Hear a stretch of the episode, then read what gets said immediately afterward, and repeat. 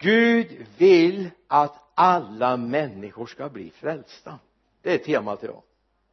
Så vi aldrig, aldrig, aldrig behöver fundera på men är det här Guds vilja? Det finns ett antal bibelord som säger att Gud vill. Frågan är om vi vill. Vi ska gå till första Timoteusbrevets andra kapitel. Vi läser eh, några verser från vers 1 eh, vi se. Vi läser till och med vers 7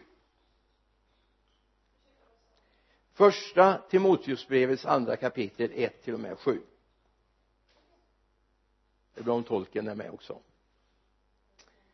Först av allt uppmanar jag till bön åkallan, förbön och tacksägelse för alla människor.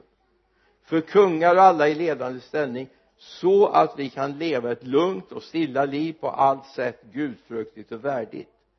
Detta är gott och rätt inför Gud vår frälsare som vill att alla människor ska bli frälsta och komma till insikt om sanningen.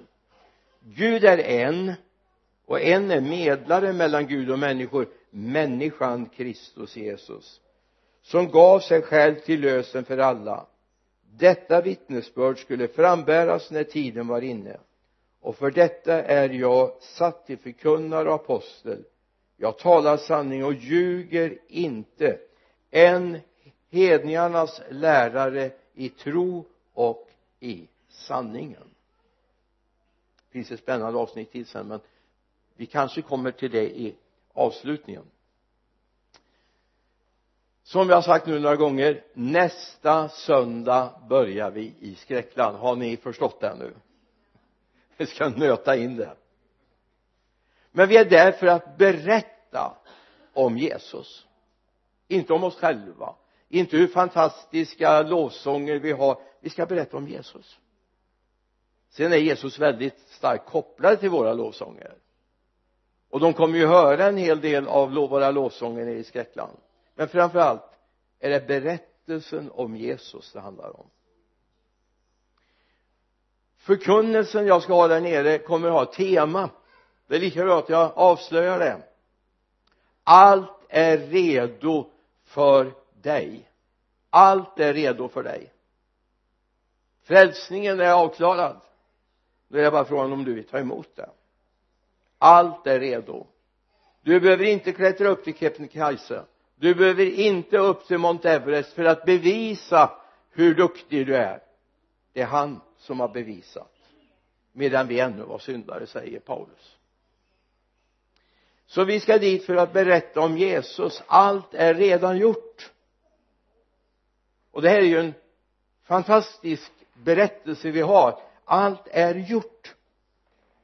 Det enda du har att göra det är att acceptera det och kapitulera och säga Jesus jag vill att du är kung i mitt liv. Det andra vi har att göra det är vi ska tända ljus i den här stan. Allt mörker ska få fly. Därför vi ska ut bland människorna och vi ska vara ljus. Det finns ett fantastiskt bibelord som jag skulle vilja att du mediterar över. I Efesierbrevets femte kapitel vers 8 till och med 10 och lägg märke till formen som används tidigare var ni mörker. Men nu är ni ljus i Herren.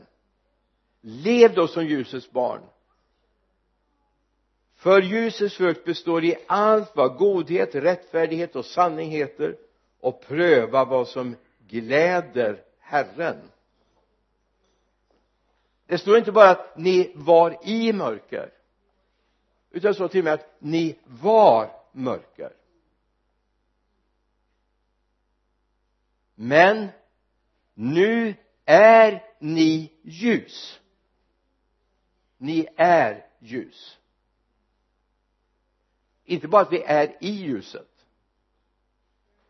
Jesus säger ju i bergspredikan att ni är ljus ni är världens allt och ni är ni är jordens allt och världens ljus. Och en stad som är byggd på ett berg kan inte döljas. Alltså vi är ljus. Tar du in det? Du är ljus.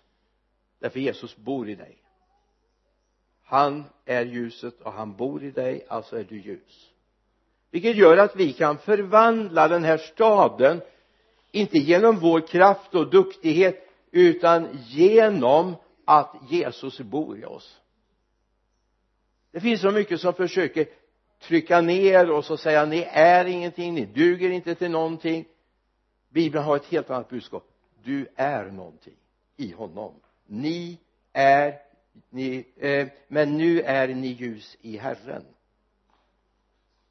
lev då som ljusets barn. Lev då som ljusets barn. Alltså det första vi ska berätta om Jesus det andra att vi ska lysa upp den här staden med budskapet om honom och vad han har förvandlat våra liv och gjort i våra liv. Så att människor får tag i det. Vi ska lysa upp Vänersborg. Amen. Jag trodde nästan jag skulle få vågen nu men hoppas du liksom tar in det. Vi ska vara med och förvandla den här staden. Vill du med vara med? Amen. Lägg märke till. Nu vet jag att man har en modernare sätt att orientera sig när man är ute med fartyg. Navigera. Man navigerar enligt eh, satelliter och de håller koll på var man är men om vi går lite längre tillbaka i tiden så tändes fyrar och fortfarande i farleder använder man fyrar. För satellitnavigeringen är inte så exakt. Det slår på några meter och det kan vara avgörande metrar. Så ska vi vara ett, en fyr som lyser och vägleder människor. Du är ju ljus det ljuset är en fyr. Och det är den som har tänt den fyren det är Jesus. För att du ska leda människor rätt. Så vi ska vara en mängd fyrar som lyser ett och detsamma när vi kommer ner till skräckland va? Amen. Så att människor hittar hem. Och budskapet är hamnen är redan klar. Vi ska inte dit och bygga den. Den är klar. Allt är gjort det gjordes på Golgata. Så det är klart. Så nu är det bara för människor att hitta hem. Och jag menar det är ju det vittnesbörd man får till och från när man får vara med och föra människor till tro på Jesus. Jag menar jag har ändå varit med nu över 50 år och förkunnat evangeliet. Och gång på gång får man höra det var som att komma hem. Trots att man var ute i helt andra sammanhang och levde i en helt annan miljö. Så var det som att komma hem. Hamnen är klar. Frälsningen är klar. Det var inte du som frälste dig. Jag menar jag hör människor ibland säga nu ska jag gå och frälsa mig säger de. Det är ungefär som att lyfta sig i håret eller något sånt där. Man kommer inte så långt man försöker lyfta sig i håret va? Eller ta sig i kragen eller någonting. Vi kan inte frälsa oss själva. Jag förstår precis vad människor menar. Jag vet precis vad de tänker. Och det är, det är väl bra i och för sig men det är viktigt att komma ihåg. Det är han som frälste mig. Inte jag som frälste mig.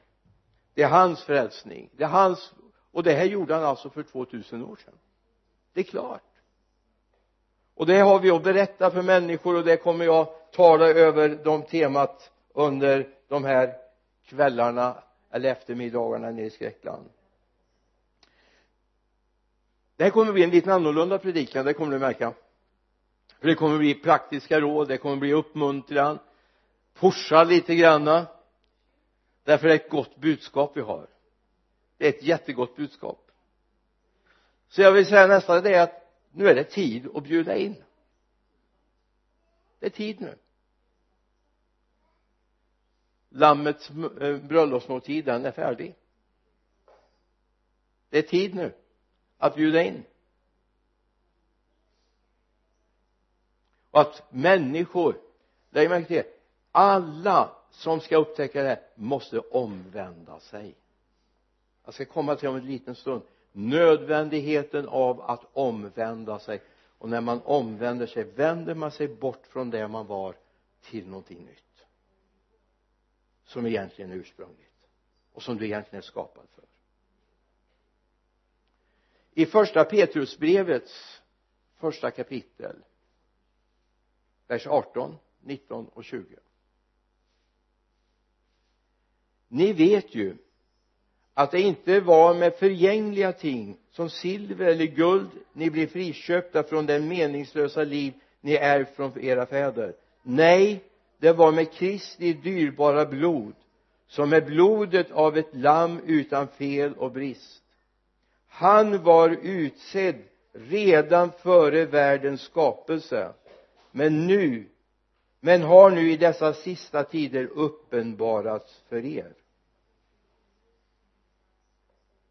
Han ställdes fram för att befria oss.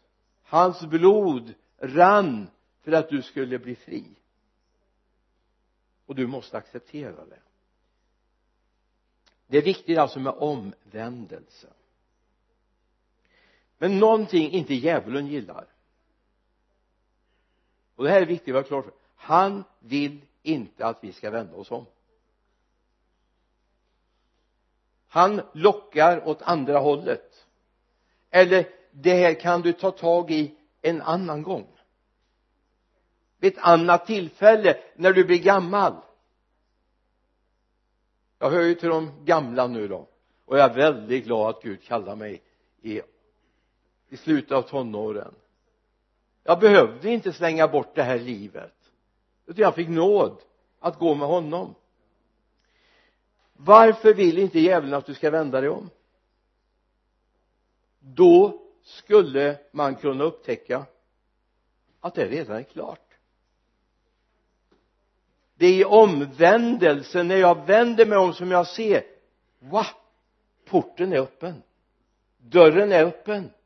Måltiden är dukad. Ja det här vet ju ni. Jag, jag vet ju det. Men nu är det så faktiskt jag, jag predikar för att du ska ha med dig redskap i ditt vittnesbörd. Men också för dig som lyssnar på nätet den här predikan. Omvändelsen är oerhört viktig för att jag ska få se vad Jesus har gjort. Det är först i omvändelsen som jag ser som jag ser vad Gud har gjort för mig. Och vilken väg jag har att gå och att han faktiskt har gjort vägen klar. Någon läste här ur Efesierbrevets andra kapitel vers 10 hans verk är vi skapade i Kristus Jesus. Till goda gärningar vilka Gud har förberett för att vi ska vandra i dem amen. Det är dit du ska. Du ska börja vandra i det Gud redan har gjort i ordning. Det är inte du som ska fixa livet. Han har fixat det. Men du måste komma dit och det krävs en omvändelse för att komma dit. Det är inte så här att jag kan säga men Gud är det så att du är så intresserad så får du väl ta tag i mig där jag är. Han står där och erbjuder han stod i templet. Han tvingade inte i människor av det levande vattnet. Han stod där och erbjöd sig. Vi har det i Johannes 7 och 37, 38, 39 om du vill läsa vad jag talade om nu. Gud vill Gud vill. Det är nästan alltså ibland skulle jag nej men jag kan inte använda den pedagogiken. Få människor att börja säga Gud vill att alla människor ska bli frälsta. Jag menar även om du inte säger det högt nu i korus så kan du väl säga det i ditt hjärta i korus med Herren då. Du vill att alla människor ska bli frälsta. Grannen som är besvärlig vill han ska bli frälst. Arbetsgivaren som man kanske tycker eh, sådär om vill han ska bli frälst arbetskamraten som svär som en borstbindare. Om nu borstbindarna svor så väldigt jag vet inte. Men det är ett uttryck vi använder. Gud vill att han ska bli frälst. Den där kvinnan som eh, du har stört dig på Gud vill att hon ska bli frälst.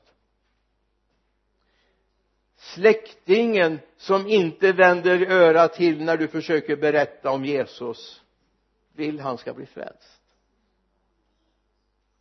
det är inte säkert alltid att det är dig Gud vill använda. Det kan vara någon annan. Men vi ber för dem, eller hur? Därför Gud vill att människor ska bli frälsta. Och då är det viktigt att inbjudan får gå ut så att människor vet att nu är det tid att göra sig klar. Det kommer en tid när det inte ges tid längre. Det var lite underligt va? Men det kommer en tid när porten är stängd. Gå till Matteus 25 de 13 första verserna så ska du se. Där kommer de tio eller fem av de tio jungfrurna när porten var stängd. Gå bort ifrån mig. Det kommer en sån tid. Men nu är porten öppen.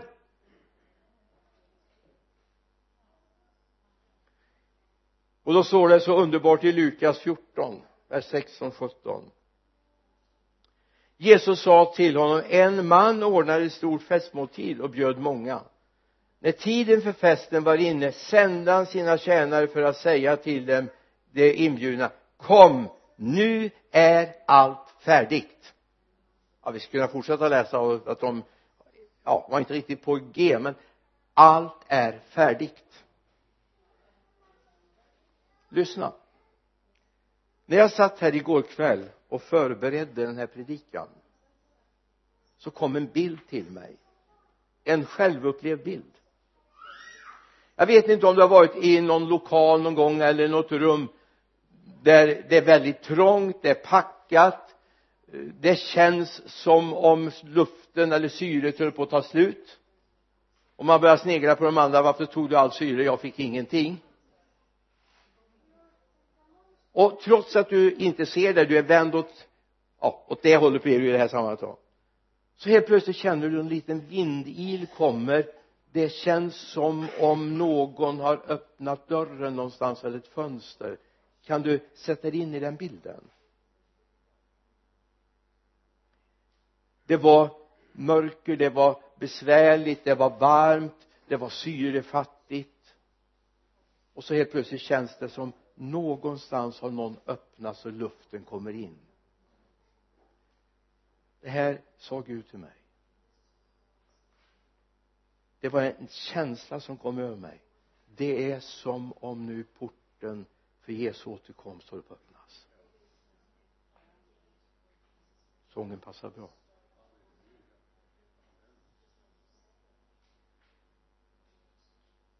Kanske jag vill inte säga för bibeln säger att vi ska inte tala om tider och stunder. Men jag kommer att gå till skräckland det här året som om det här är sista året vi gör det. Sen kanske jag kommer gå dit 20 år till jag vet inte om jag orkar så länge. Men jag kommer ha det som det här är sista gången jag får tala om för Vänersborgarna att Jesus har gjort allt klart för dig. Du behöver inte göra någonting du måste bara acceptera och ta emot frälsningen. Ta emot det han har gjort för dig. Det är som om dörren står på glänt i det himmelska. Snart kommer ljudet eh, ljuda i himlen när han sänder ut sina änglar för att samla från jordens fyra hörn till mötet på skyn. Det känns så det känns så. Då är det viktigt att vi kommer in i en situation där Gud bara får ta över vår vilja. Gud vill. Det står inte att när du vill att människor ska bli frälsta ska du gå ut och prata med dem. Gud vill. Det är det överordnade. Så tänkte jag så här du kommer att föras in i situationer du aldrig har varit med om förut. Du kommer att hamna i situationer som du aldrig har gjort förut. Det är ingenting nytt i bibeln. Jag menar om vi tar nu det här sammanhanget i Matteus eller i apostlagärningarna 2 eh, 36 till eh, 41 det är Petrus när han håller sin predikan på pingstdagen. För att spara lite tid så kommer jag inte läsa varje bibelord. Jag hoppas att du har med dig eller också att du går hem och läser det sen. Men ifrån vers 40 läser jag. Med många andra ord vittnade han och vädjade till dem låt er frälsas från detta bortvända släkte de som tog emot hans ord döptes och antalet lärjungar ökade den dagen med omkring 3000 får jag ställa en fråga till dig? Hur många gånger hade Petrus stått och predikat i Jerusalem före det här? Han hade pratat med människor, ja. Men någonting hade hänt den morgonen så nu gjorde han någonting helt nytt han gjorde något helt nytt. Därför Gud hade bett honom att göra det. När den helige ande kom över honom och de andra elva så drevs de ut, de låste upp dörren, de gick ut, de började prata med människor och helt plötsligt började Petrus tala och alla språk som var där från de olika hörnen hörde det på sitt eget tungomål står det. Och 3000 människor blev frälsta.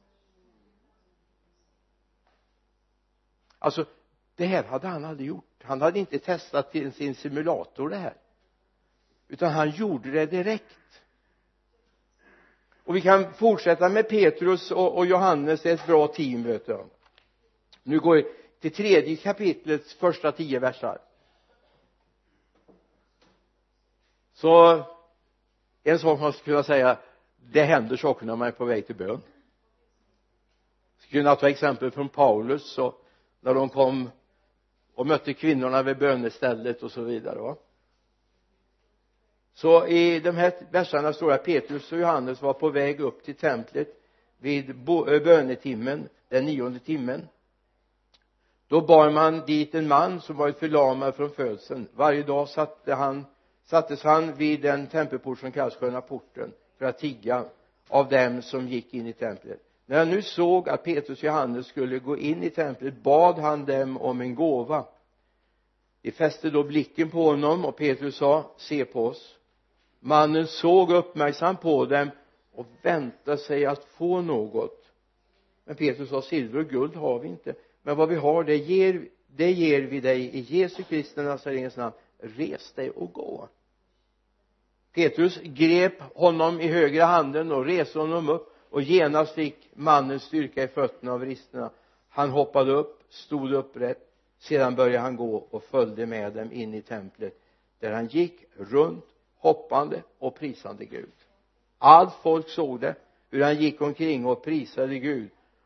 Och när de kände igen honom som mannen som brukar sitta och tigga vid sköna porten utanför templet fylldes de av bävan och förundran över det som hade hänt med honom hallå? Hur många gånger hade Petrus och Johannes varit med om det här tidigare? De var noviser.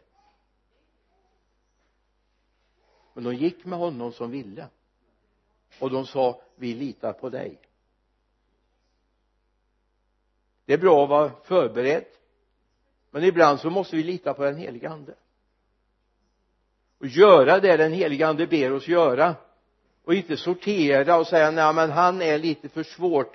Gud har du ingen enklare någon liten enkel förkylning? Kan vi börja där? Han är ju lam sen födelsen. Jag menar det funkar ju inte. Det funkade alltså i den här resan vi kommer göra nu kommer du få vara med om saker du aldrig varit med om förut. Är du med? Vi har en spännande resa framför oss den här sommaren. Sex tillfällen i skräckland plus alla tillfällen du får ute på badplatser och picknicksammanhang och så vidare. Där du är ute som bara du så att säga inte församlingen med dig. Gud kommer vara med. Gud kommer vara med. Det kan vara bra ibland att få göra det i miljöer där man känner sig trygg. Petrus eller ja, Petrus hade åtminstone Johannes med sig. Jesus har ju en princip det är att man ska gå två och två. Han sände ut dem två och två. Till var ort dit han själv skulle komma står det. Alltså var beredd. Jesus kommer använda dig och vill använda dig på ett sätt som du aldrig varit van vid förut. Och du får gärna vara smitt, eller smittad av samma känsla som jag har det här är sista sommaren vi har chans att berätta för människor. Jag säger inte att Jesus kommer tillbaka. Jag menar bibeln säger vi ska inte spekulera men det är en stark känsla. Den här gången ska jag göra det som om det vore den sista. Det kan ju hända att de som är där är där för sista gången. Det kan hända att det inte handlar om att jag ska lägga upp fotsulorna eller ryckas upp bland molnen men de som jag möter kanske är där och hör evangeliet för sista gången. Det är viktigt att vara beredd och säga Gud jag går med dig. Jag är inte ensam, jag går med dig. Gud vill att alla människor ska bli frälsta. Har du hört mig säga det förut idag? Amen. Gud vill det hoppas du har tagit in det i andra, eller Timoteus, jag får säga andra Titusbrevet men det finns ju inte. Titus 2 vers 11 då står det om Jesus så här. Guds nåd har uppenbarats till frälsning för alla människor. Kan det vara så att du och jag vi tillsammans får representera denna uppenbarelse. Jesus Kristus. Han som kan frälsa människor. Kanske är det som Gud vill att du ska det ska representera dig eller honom, du ska göra det. Vi läste ju inledningen här i första Timoteusbrevets andra kapitel. De första fyra verserna ska vi bara läsa. Först av allt uppmanar jag till bön åkallan förbön och tacksägelse för alla människor. För kungar och alla i ledande ställning så att vi kan leva ett lugnt och stilla liv på allt sätt gudfruktigt och värdigt. Detta är gott och rätt inför Gud vår frälsare som vill att alla människor ska bli frälsta och komma till insikt och sanning då har vi en resa till att göra. Det handlar om då att vi ska be för alla människor. Alla människor. Utan sortering på något. Jag vill att alla människor ska vi be för. Trevliga, snälla, goda, dumma, besvärliga sådana som vi ser som hopplösa fall. Vi ska be för alla människor. Det är den resan vi har att göra nu. Vi ska be för alla människor det andra vi ska be för alla som har makt. Alla i ledande ställning. Vi ska be för alla som är i ledande ställning. Det här är jätteviktigt. Att vi ber för människor. Att vi välsignar människor. Att vi öppnar dörren för dem och möjligheten att lära känna Jesus. Det är jätteviktigt. Det är din bön som öppnar alltså vi kan få vara med och förmedla evangeliet. Men min bibel säger i Johannes 6 och 44 att om inte fadern drar dem så kommer de inte till mig säger Jesus. Vi ska se Matteus, eller Johannes 6 och 44 så därför måste vi be fadern att han drar människor. Det är jätteviktigt. I eh, Matteus 7 21 så säger Jesus någonting. Inte alla som säger herre herre till mig ska komma in i himmelriket. Utan den som gör min himmelske faders vilja. Hallå? Vilka är det som kommer in i himmelriket? Är det alla som eh, har ett, ett religiöst tänkande? Alla som eh, gör snälla saker? Nej de som gör min himmelske faders vilja. De som gör min himmelske faders vilja. Alltså vi ska be för alla människor så ska vi lägga örat till marken så att vi hör vad Gud vill. Gud vill någonting. Gud har en ambition att göra saker. Och det är viktigt då att vi börjar bli lyhörda. Vad är det Gud vill? Vad är det Gud vill med mig? Du är ju frälst, eller hur? Du är Guds barn, ja. Men Gud vill ju använda dig som sitt barn. Han har någonting han vill skicka dig att göra. Någonting som du ska få berätta, säga till människor. Och då är det viktigt att vi kommer in i en tid där vi inte säger att det är min strategi som gäller utan Guds.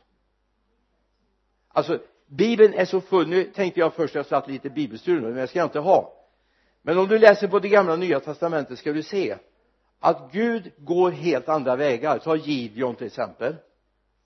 Vilka ville vara med och strida? Jo det kom en hel mängd och så fick han sortera ut han hade 300 kvar.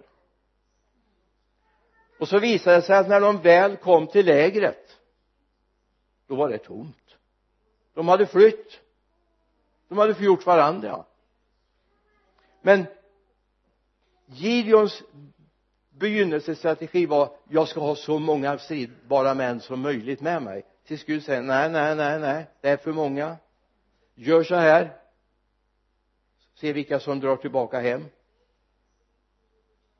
De som dricker på rätt sätt ur vattnet och så vidare. Du får läsa domarboken om Gideon ska du se.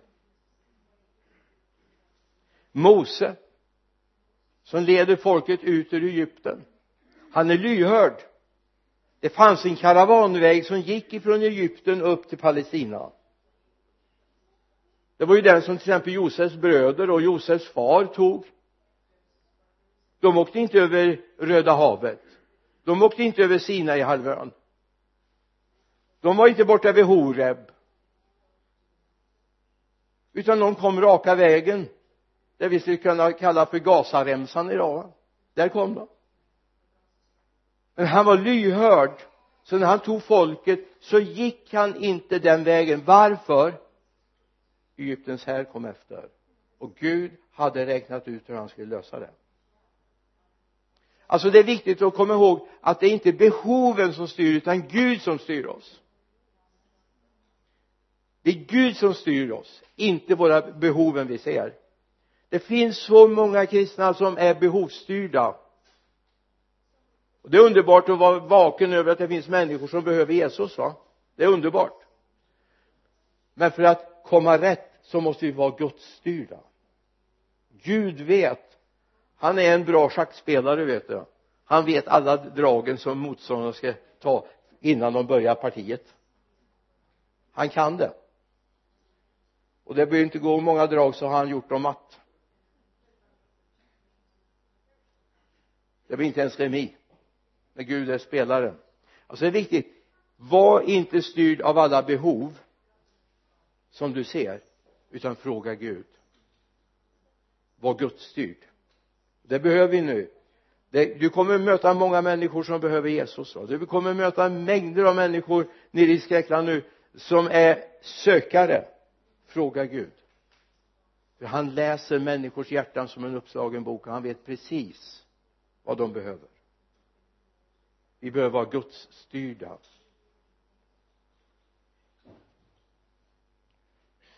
alltså de som gör min himmelske faders vilja vilka är det?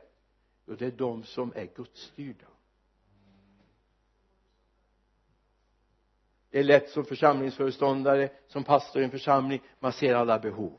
Och man skulle vilja fylla alla behov. Och man skulle vilja vara med där och man skulle vilja vara med där och man skulle vilja vara med där jag menar den luckan har jag fallit i lite nu och då under de här åren. Men jag ser det finns de som kanske inte annonserar sina behov på samma sätt. Som inte är lika på och rycker tag i, i, i kavajen eller i tröjan och säger se mig. Vi kan komma ner till skräckland man möter människor och jag försöker hälsa på alla som är där nere. Så långt det är en möjlighet. Jag försöker lyssna in Gud. Var är det du jobbar just nu? Där vill jag vara med. Där vill jag vara. Där vill jag vara samarbetspartner med dig. Och vi behöver det. Du behöver det ute i, i vardagslivet. Okej okay, ser du behov? Ta det med Gud. Ta det med Gud. Guds folk skulle behöva bli för det första ett läsarfolk. Och det tror jag vi är. Jag tror vi är ett läsarfolk. Eller hur? Du läser din bibel. Älskar det. Underbart. Lev aldrig skild ifrån bibeln. Aldrig skild från bibeln. Jag vet av egen erfarenhet vad oerhört viktigt det är att läsa bibeln. När jag 1982 åkte på en ögonoperation och de visste inte om jag skulle få min syn tillbaka så var jag så tacksam de där veckorna för att jag hade lastat in Guds ord i mitt hjärta. Och Gud påminde mig om det ena bibelordet efter det andra.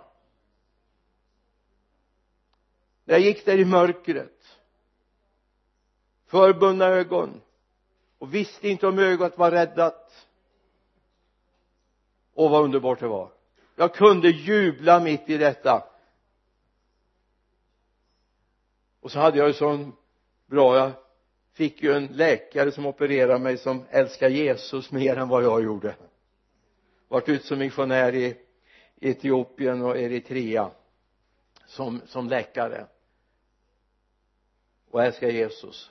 En söndag morgon när jag var som mest deppig tänkte på församlingen där hemma som firar gudstjänst. Jag fick inte vara med.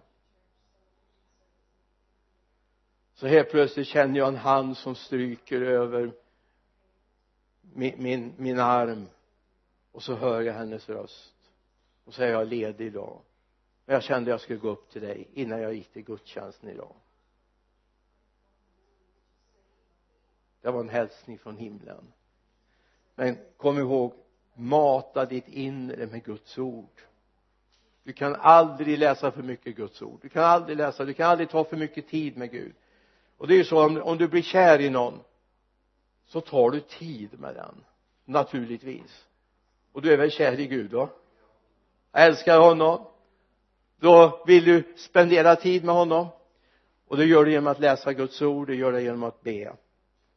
Nästa steg vi behöver det är att börja bli bedjare mer. Fokuserade bedjare. Och där det inte handlar så mycket om att jag har den krämpan, jag har den krämpan, jag har ont här, jag har ont där eh, det är jobbigt på jobbet, det är besvärligt här och där och grannen eh. är det här vet han redan. Han vet det. Jag vet vad han vill att du ska göra. Du ska öppna ditt hjärta och säga jag älskar dig Jesus. Du är mitt allt. Du är mitt allt. Alltså ibland är vi så styrda av problem så Gud ger oss det ena bönesvaret efter det andra och vi ser det inte för vi är hela tiden upptagna av nya problem. Ta tid istället för då kommer Gud börja tala in i ditt hjärta. Du kommer vara förberedd du kommer ner nu på söndag till skräckland tänd av den helige ande och vet att du ska få dela ditt vittnesbörd med någon. En del kommer vittna framifrån från mikrofonen. Andra kommer att ge sitt vittnesbörd där på parkbänken eller i stolarna eller när man står bort vid något buskage och samtalar. Gud kommer förbereda dig. Därför du har varit med honom. Gud talar mer än vad du ska tala. Bön är inte dialog. Eller det är dialog det är inte monolog. Vi har gjort det till monolog det är som om vi inte tror att det finns en Gud som lyssnar. Det finns en Gud som talar. Han vill tala in i ditt hjärta. Så det behöver vi nu inför den här veckorna vi ska vara nere i skräckland så behöver vi verkligen få uppleva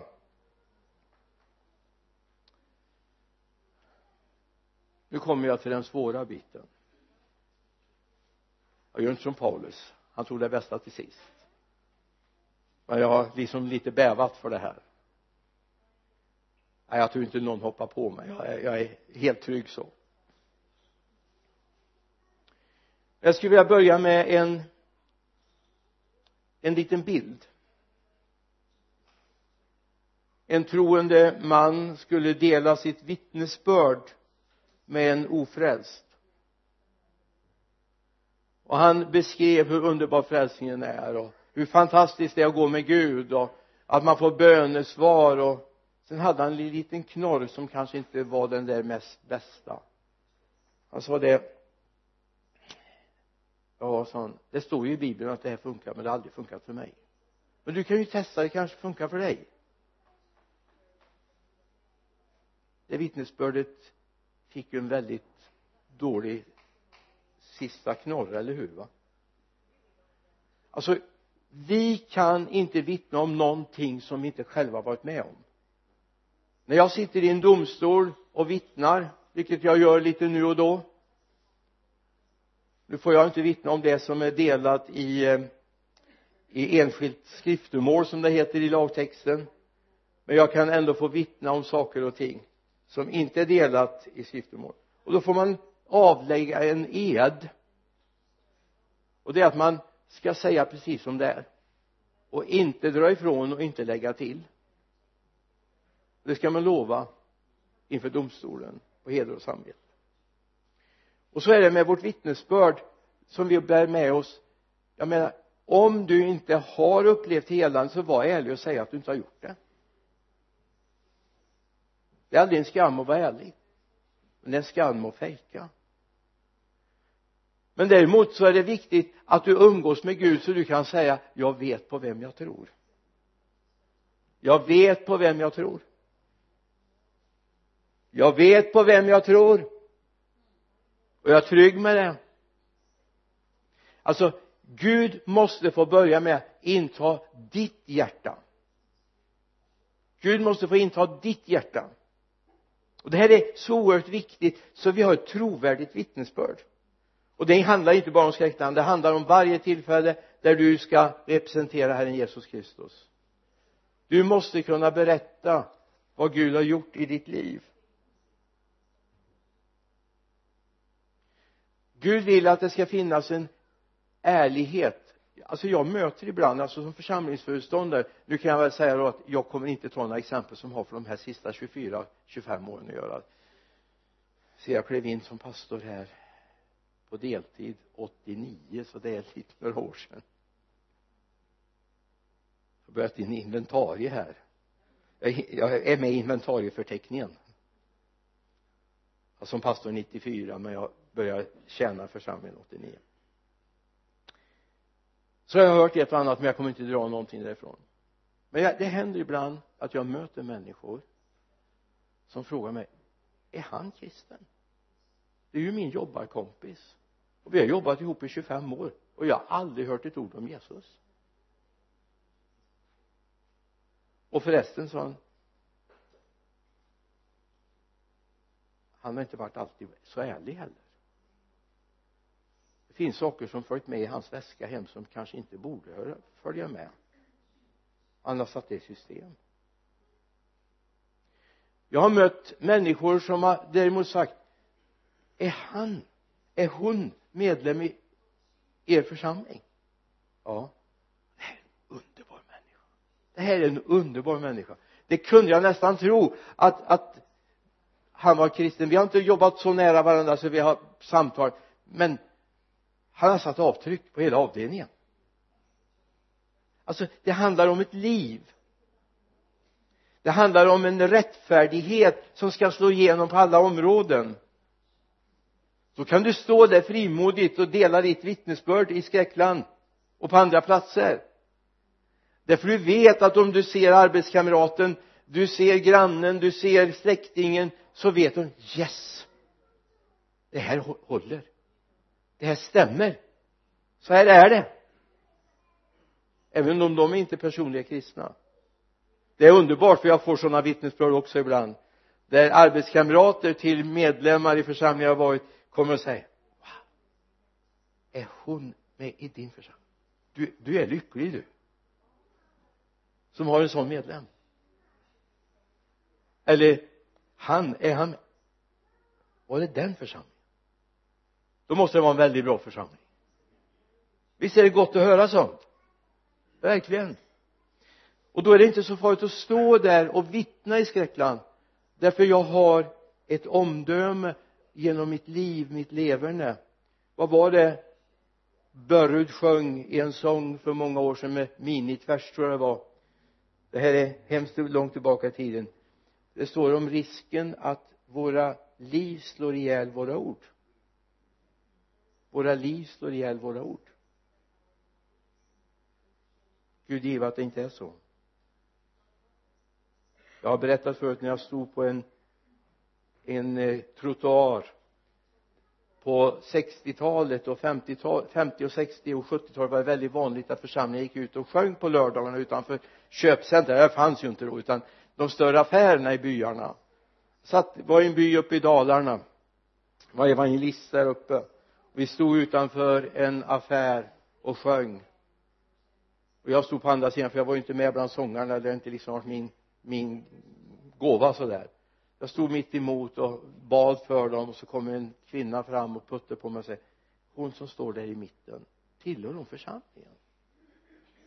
Vi har jobbat ihop i 20 år. Och det var det sista jag skulle tänka mig. Jag vill säga att ja men hon tillhör. Nu behöver inte jag vara rädd för det när det gäller den här församlingen. Jag är så trygg. Men det är viktigt att inte våra liv slår ihjäl våra ord det är så viktigt. För först och främst är jag inte mina ord det är representanten för Jesus. Mina, mitt liv är representanten för Jesus.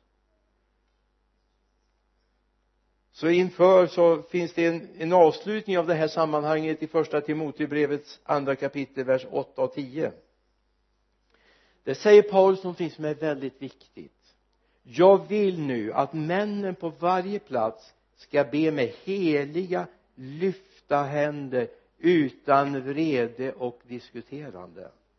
På samma sätt ska kvinnorna smycka sig med anständig klädsel med blygsamhet med gott omdöme inte med håruppsättningar och guld eller pärlor och dyra kläder utan så att som det anstår kvinnor som bekänner sig till gudsfruktan med goda gärningar. Vad är det vi ska klä oss i? Om vi nu börjar med kvinnorna först. Med goda gärningar. Det är det som är det viktigaste. Jag menar jag har inget emot att ni varken kammar håret eller annat. Det skulle vara bedrövligt om ni inte gjorde det höll jag på att säga. Och ni såg ut alltid som om ni kommer direkt ur sängen. Absolut inte. Men det som är viktigast när ni klär på er det är goda gärningar. Sånt som Gud har förberett för att ni ska göra. Och ni män ni karlar det är viktigt med upplyfta heliga händer. Det stod inte bara om upplyftade händer utan det står om heliga lyfta händer och då kan man fundera på är det här viktigt? Är inte det bara liksom en åtbörd är det viktigast med böjda knän eller att vi står upp med blundande ögon eller tittande ögon knäppta händer? Ja faktiskt står det ingenstans i bibeln om knäppta händer. Det står om upplyftade händer. Sen är det här med knäppta händer det är inte fel heller. Du vet varifrån det kommer förmodar jag. Det kommer ifrån det romerska imperiet när man tillbad kejsaren. Och då sa man att Kyrios. Men de kristna kunde ju inte säga det.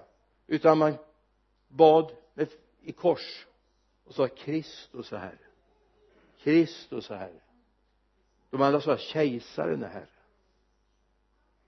och då gjorde de så. Och kristna protesterade genom att göra så. Så det, det är inte fel att, att be men det är faktiskt inte tänkt att vi ska knäppa händerna. Men sen kan det vara bra att hålla ordning på fingrarna ibland va? När de vill greja med allt annat va? Det står om upplyftade händer. Inför honom i ödmjukhet. Gud du är min frälsare. Att man står upp. Och egentligen är det väldigt enkelt det här med jag menar sen sjunger vi länge och det är inte så lätt att stå upp hela tiden men det är inte fel att göra det. Jag ska säga om nu vår kung Gustav den sextonde nej Karl Karl den sextonde Gustav heter han ja. Jag är gammal. Jag var inne på Gustav den sjätte Adolf men det var ju liksom när jag bodde i Stockholm hade jag förmånen att ha audiens hos honom ibland. I tjänsten inte personligen. Om han skulle komma in här med följa jag är övertygad om att ni skulle stå upp. Eller hur? Till och med om ni är på bröllop och så kommer brudparet in. Visst ställer ni er upp det hör till god ton.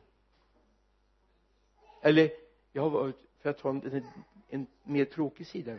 Jag har varit på begravningar där man hade den traditionen att gästerna går in och sätter sig först. Och sen kommer sorgehuset in. Då står man upp i respekt. Att lovsjunga Gud det är att välkomna honom in att välkomna honom in.